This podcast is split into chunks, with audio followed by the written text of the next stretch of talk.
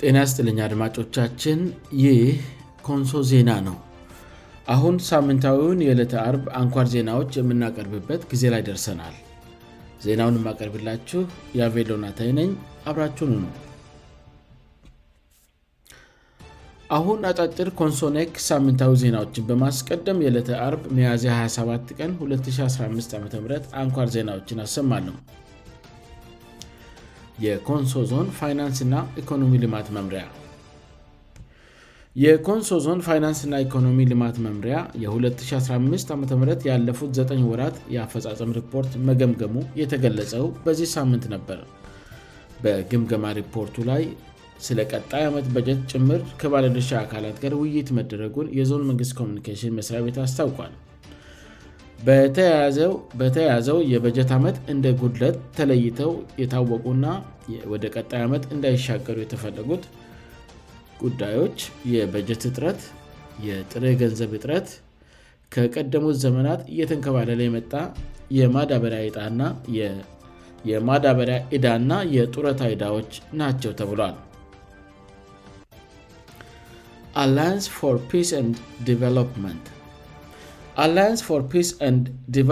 የተሰኘ ግብረሰና ድርጅት ከኮንሶ ዞን የመንግስት ኮሚኒኬሽን ጉዳዮች ጋር በመተባበር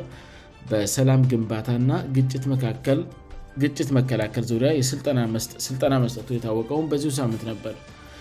ስልጠናው ሰላምን ከማስጠበቅ አንጻር የሚዲያ እና የኮሚኒኬሽን አካላት ሚና ምን መሆን እንዳለበት ማስገንዘብ ላይ ያተኮረ መሆኑ ተገልጿዋል ሰላምን ከመገንባት አኳያ የዜና ዘገባዎች እንዴት መሠራት እንደሚገባቸውና ሰላምን ለማስጠበቅ ከሚዲያዎች ምን እንደምጠበቅ ስለመረጃ አደረጃጀትና አወቃቀርና ስርጭት በስልጠናው በዝርዝር መቅረቡ ታውቋል የሥልጠናው ተሳታፊዎች ከዚህ በፊት ግጭት ያስተናገዱ የከረ ዙሪያ ወረዳእና የሰገን ዙሪያ ወረዳ የኮሚኒኬሽን ባለሙያዎች እና የዞን ሰላምና ጸጥታ መምሪያ አንዳንድ አመራሮች መሆናቸው ተገልጿል የስ ፐር ፕሮክት የኮንሶ ሊማት ማህበር ኮልማ በሲዊዝ ቤተክርስቲያን በጎ አድራጎት ድርጅት ሄስፐር በኩል ከሲዊዝ ሶሊዳሪቲ ድርጅት በተገኘ የገንዘብ ድጋፍ በሁሉም ወረዳዎች የውኃ ልማት ሥራዎችን እንደሚሠራ ያስታወቀው በዚሁ ሳምንት ነበር የኮንሶ ማት ማህበር ዋና ሥራ አስኪያጅ አቶ ሽብሩ ሲካን ጠቅሶ የዞን መንግስት ኮሚኒኬሽን መስሪያቤት እንዳስታወቀው የድጋፍ ፕሮጀክቱ በድርቅ ምክንያት በተጎዱ 18 ቀበልያት ላይ ተግባራዊ የሚደረግ ሲሆን ለ12 ወራት የሚቆይ ነው ተብሏል ፕሮጀክቱ ውሃን ማልማት ላይ ያተኮረ ሲሆን 16 የውሃ ተቋማትን እንደሚያድስና እንደሚጠግን እንዲሁም ለአምስት ትምህርት ቤቶች የጣሪያ ላይ ውሃ ማሰባሰቢያ ሥራ እንደሚሠራ ስራ አስኪያጁ ገልጸዋል ከውሃ ጋር በተያዘ ለሚሰሩ አካላትም የአቅም ግንባታ ሥልጠናዎችንም እንደሚሰጥ አስታውቋል ይህ ኮንሶ ዜና ነው አድማጮቻችን አሁን በዝርዝር የሚቀርቡ ዜናዎችን አሰማለው በቅድሚያ ሬሰ ዜናዎቹ ኦነክሽንና መንግስት በታንዛኒያ እያደረገ ባለው የሰላም ውይይት ያለመስማማት ተጠናቀቀ በአማራ ክልል መከላከያ ሰራዊትና ታጣቂዎች በከባድ መሳሪያ የታገዘ ግጭት ውስጥ መግባታቸው እሰመኮ ገለጸ በፕሬዚደንት ቪላዲሚር ፑቲን ላይ የግድያ ሙከራ መደረጉን ሩሲያ አስታወቀች አሁን ዜናውን በዝርዝር አሰማለው ኦኔክሽንና መንግሥት በታንዛኒያ እያደረጉ ባለው የሰላም ውይይት ያለ ስምምነት ተጠናቀቀ በኦሮሚያ ክልል ያለውን ግጭት ለማስወቀድ ሰላምን ለማምጣት ያለምና በታንዛኒያ ሲካሄድ የቆየው የሰላም ውይይት የመጀመሪያው ምዕራፍ ሚያዚ 25 ቀን 2015 ዓም የተጠናቀቀ ቢሆንም ስምምነት ላይ አለመደረሱን የመንግስት ኮሚኒኬሽን መስሪያ ቤት አስታውቋል ውይይቱ በአብዛኛው በአዎንታዊ መልኩ የተከናወነ ቢሆንም በአንዳንድ ጉዳዮች ላይ ግን በዚህኛው የውይይት ምዕራፍ ስምምነት ላይ ለመድረስ አልተቻለም ተብለል ግጭቱን በዘላቅነትእና ሰላማዊ በሆነ መንገድ ለማስቆም እንድቻል ሁለቱም አካላት የሰላም ውይይቱን መቀጠል አስፈላጊ መሆኑ ላይ መግባባታቸው ተነግሯል በኢትዮጵያ ህገ መንግሥትና እስካአሁን ሲመራባቸው በነበሩ መሠረታዊ መሪሆች መሠረት ግጭቱን በሰላማዊ መልኩ ለመፍታት መንግሥት የጸና አቋም አለው ይህንም መልካም አጋጣሚና በውይይት ችግሮችን የመፍታት በጎ ጅምር በመጠቀም ጉዳዩ እልባት እንዲያገኝ የኢትዮጵያ መንግስት ያለውን ጽኖ አቋም ዳግም ያረጋግጣል ብለል በሌ ተዘዜና ተበሌላ በተያዘ ዜና መንግስት በተደጋጋሚ እየተፈጸሙ ያሉ ጥቃቶች የሚያስከተሉትን የዜጎች ሰቆቋ ለማስቆም ከታጣቂ ቡድኖች ጋር ድርድርውስጥ መግባቱ የሚበረታታ ቢሆንም ባለፉት ጊዜያቶች የተከናወኑና አሁንም እየተካሄዱ ያሉ ድርድሮች ግልጽነትና ከህዝብ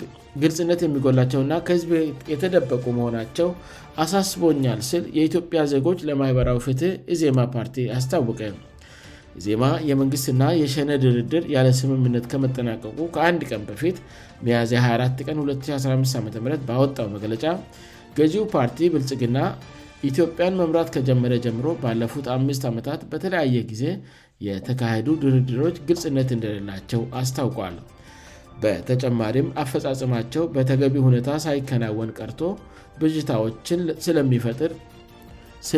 ስለመፍጠሩ የገለጸው ፓርቲው ለአብነትም በቅርብ ጊዜ መንግስት ከህወት ጋር ድርድር አድርጎ ሰላም አውርጃ ያለው ባለበት የፕሪቶሪያው ስምምነት በተነገረው ልክ ያልተፈጸሙ ጉዳዮች መኖራቸውን አስታውቃል ዜማ የድርድሩ ሂደትና ስምምነቱ በተመለከተ ህዝቡ ሊኖሩ የሚገባው ግልጽ መረጃ እንማን እየተሳተፉ እንደሆነ የስምምነቱ ይዘት እንዴት እንደሚፈጸምና በአፈፃፀሙም ጊዜ ተግባራውነቱን ለዜጎች ተገቤና በቂ መረጃን በማስተላለፍ ከተጨማሪ ውሽንፍርና ትርምስ ማህበረሰቡን እንድጠብቅ አሳስቧል ይህ ኮንሶ ዜና ነው በአማራ ክልል በመከላከያ ሰራዊትና ታጣቂዎች መካከል በከባድ መሠሪያ የታገዘ ግጭት መከሰቱ እሰመኮ ገለጸ የኢትዮጵያ ሰብዊ መብቶች ኮሚሽን እሰምኮ በአማራ ክልል የተወሰኑ አካባቢዎች እየተካሄደ ያለው የህግ ማስከበር ዘመቻን አስመልክቶ መግለጫ አውጥቷል ኮሚሽኑ ይህ ድርጊት በሰብዊ መብቶች ላይ ያለውን አንድምታና ተጽዕኖ በቅርበት እየተከታተለ መሆኑንም አስታውቋልሚ አደረግኩት ባለው ክትትል በሰመን ጎንደር በሰመን ወሎ ና በሰመን ሸዋ ዞኖች አንዳንድ አካባቢዎች ግጭት አለ ብለዋል በተለይም ሸዋሮቤት አርማኒያ አንጾኪያ ገምዛ ና ማጀቴ አካባቢዎች በመከላከያ ሠራዊትእና በአካባቢው ታጣቂዎች መካከል የተኩስ ልውውጥና በከባድ መሣሪያ ጭምር የታገዘ ጥቃት መኖሩን ደር ይሸበታለሁ ብለዋል በዚህ የተኩስ ልውውጥ ምክንያት በሲቪል ሰዎች ላይ የሞት የአካልና የንብረት ጉዳት ከመድረሱ ባለፈ ከደሴ ወደ አዲስ አበባ የሚወስደው መንገድ በተለያዩ ጊዜያት መዘጋቱን እንዳረጋገጠ ኮሚሽኑ አስታውቋል በተጨማሪም በክልሉ ያሉ የተወሰኑ የተቃዋሚ ፖለቲካ ፓርቲ አባላት የክልል ልዩ ኃይሎችን እንደገና የማዋቀር ውሳነን በመቃወም የተካሄዱ ሰልፎችን መርተዋል የተባሉ የተወሰኑ ወጣቶችእና ከፋኖ ቡድን ጋር ግንኙነት አላቸው ተብለው የተጠረጠሩ ሰዎች እንደታሰሩ ኢሴመኮ መረዳቱንም አስታውቋል በየትኛውም የሀገሪቱ ክፍሎች የሚፈጠሩ ተጨማሪ ግጭቶች ሰብዊ መብቶች ላይ አስከፊ ወይም ከባድ ጥሰቶች የሚያስከትሉ መሆኑን በመገንዘብ ሁሉም የሚመለከታቸው ወገኖች ችግሩን በሰላማዊ መንገድ ና በውይይት እንድፈቱ አሳስበል ግጭቱን ከሚያባብሱ ድርጊቶችእና ንግግሎች እንዲቆጠቡ ስለደረሰው ጉዳት ሁሉ አስፈላጊውን ምርመራ በማድረግ ተጠያቅነት እንዲረጋገጥም የስመኮ ጥሪ አቅርበዋል እንዲሁም በማናቸው ሁኔታ የሚፈጸሙ ስርዓቶች ህግል መሠረት ያደረጉና በተለይም የፍትህን አስፈላጊነት ተመጣጣኝነትና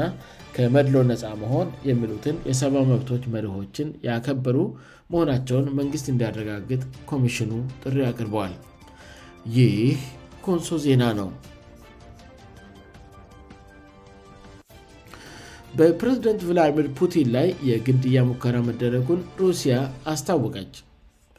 ከተጀመረ 15 ወራን ያስቆጠረው የሩሲያ ዩክራይን ጦርነት በየጊዜው አዳዲስ ክሰቶችን ማስሰናገዱን ቀጥለዋል የሩሲያ ፕሬዝደንት ቪላድሚር ፑቲን መኖሪያ በሆነው የክሬምሊን ቤተመንግሥት ላይ የድሮን ጥቃት ለመፈጸም ሙከራ መደረጉ ተገልጿዋል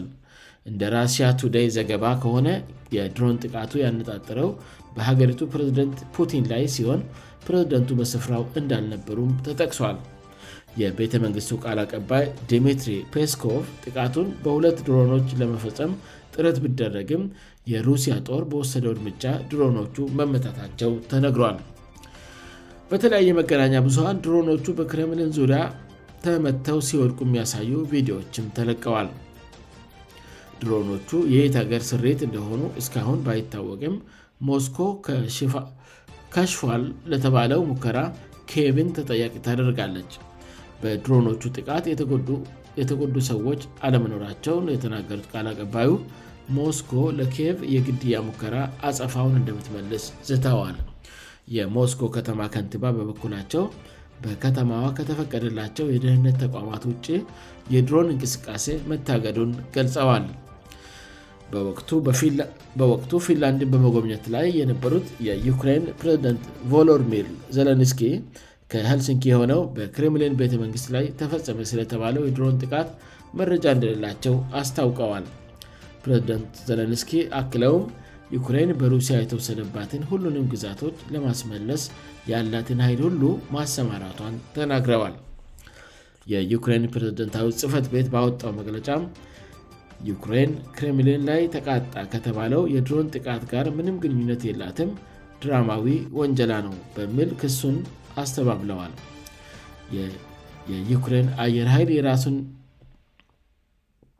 በሌላ ዜና የዩክሬን አየር ኃይል የራሱን ድሮን በኪየቭ ከተማ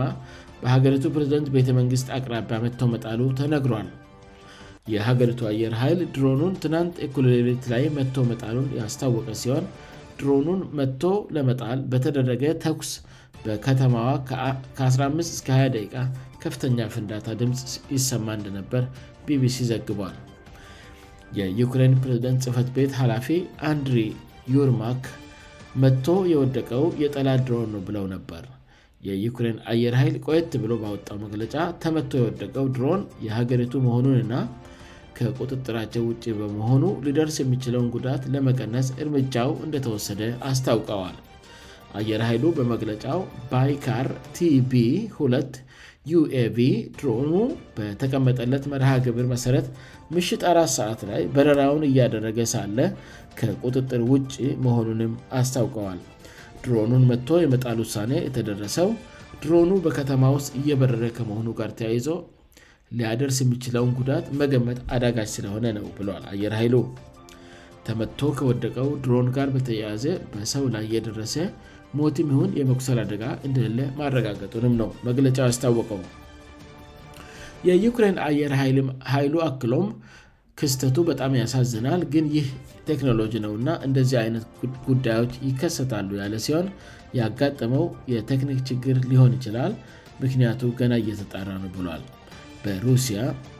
በሩሲያእና በዩክሬን መካከል እየተካሄደ ያለው ሰሞኑን አገርሽቶ እንደነበር ይታወቃል ይህ ኮንሶ ዜና ነው አድማጮቻችን የዛሬውን የዕሌተ አብ ሚያዝ 27 ቀን 2015 ዓም ሳምንታዊ አንኳር ዜናዎችን ከማብቃት በፊት የዋና ዋና ዜናዎቹን አርስት ዜና በድጋሚ አሰማለሁ ኦነክሸነ መንግስት በታንዛኒያ እያደረጉ ያሉት የሰላም ውይይት ያለ ስምነት ተጠናቀቀ በአማራ ክልል መከላከያ ሠራዊትና ተጣቂዮች በከባድ መሳሪያ የታገዘ ግጭት ውስጥ መግባታቸውን እሴመኮ አስታወቀ በፕሬዝደንት ቫላዲሚር ፑቲን ላይ የግድያ ሙከራ መደረጉን ሩሲያ አስታወቀች ዜናው በዚህ አበቃ አድማጮቻችን ሳምንታዊ የዕለተ አርብ አንኳር ዜናዎቻችን ይህን ይመስሉ ነበር ስላዳመጣቸውን እናመሰግናለን ከንሶ ዜና በቀጣይ አርብ በተመሳሳይ ዝግጅት እንደሚጠብቁ ተስፋ ያደርጋል እስከዚያው